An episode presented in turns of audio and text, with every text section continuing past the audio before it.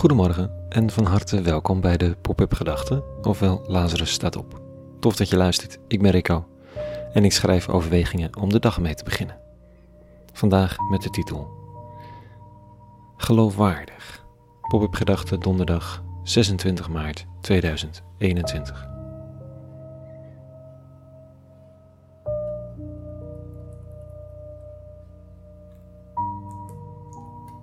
Vier jaar geleden, vlak voor Pasen, las ik dezelfde tekst als vanochtend. En het heeft me nooit meer losgelaten. Vier jaar geleden schreef ik op deze plek over een ontmoeting met Aladdin. Het was bijna Pasen, net als vandaag, en hij brak brood met mij. Opeens staat hij zo'n beetje naast me op het perron in de zon.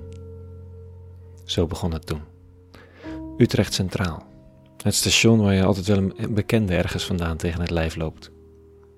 Duidelijk pre-coronatijden.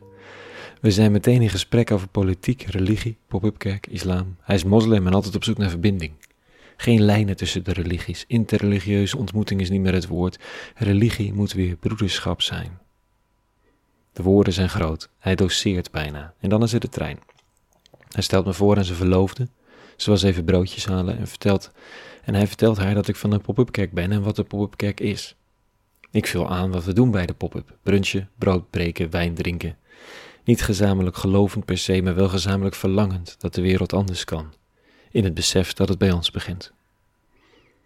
Hij pakt de broodjes, geeft er een aan haar en breekt het zijne in tweeën. Hier. En hij brak het brood, zeg ik dankbaar. Hij zegt ja. En als we het toch over broodbreken hebben, waar is de wijn? Ook de gekochte sapjes moeten worden gedeeld.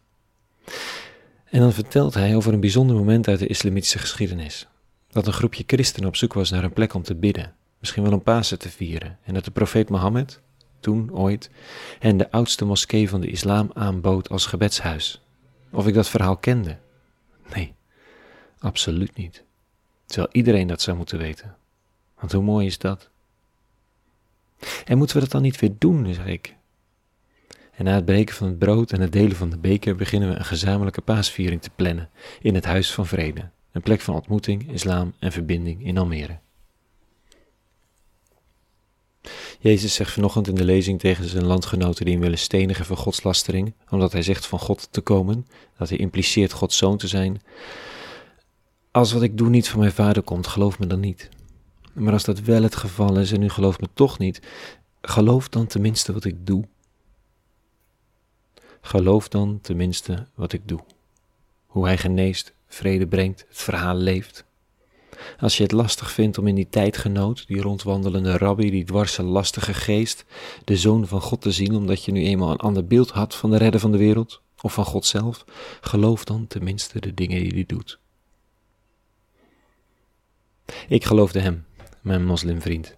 Het totale gebrek aan aarzeling of show bij het dwars doorbreken van zijn pas gekochte broodje, de overhandiging die geen ruimte liet voor twijfel, of, of valse dan wel echte bescheidenheid. Hij was dit gebaar. Dat breken en delen. De grote woorden, de docenten toonde filosofische discussie over politieke religie in onze tijdgeest kwamen op aarde door het simpele, bijna onnadenkende gebaar van het breken van het brood. Als wat hij doet en u hem niet gelooft, omdat hij het Arabische woord voor God gebruikt en de Koran als inspiratie heeft, geloof dan tenminste wat hij doet. Als het Jezus tijdgenoten gelukt was om dat te geloven, hadden ze geen onschuldige vermoord, het goede niet kapot gestampt, het licht niet zelf uitgedaan. Zo schreef ik vier jaar geleden. En zo is het vandaag nog steeds. Geloofwaardig handelen, los van antipathie of sympathie. Geloven wat iemand doet, niet bezig zijn met bij wie je hoort en wie, en wie niet, maar of een handeling zelf iets reflecteert van het goede. Vier jaar geleden trof dit zinnetje, geloof tenminste dan wat ik doe, mij recht in mijn ziel en dat doet het nog steeds. Ik geloof wat hij deed toen. Ik geloof dat wat ik, ik vraag me af of dat wat ik doe, probeer, vormgeef, uitspreek, geloofwaardig is. Ook voor degene die niet per se iets op heeft met een dominee, een activist of een kunstenaar misschien. Het gaat niet om mij of jou, maar om de handeling. Over wat er gedaan, gebracht en betekend wordt.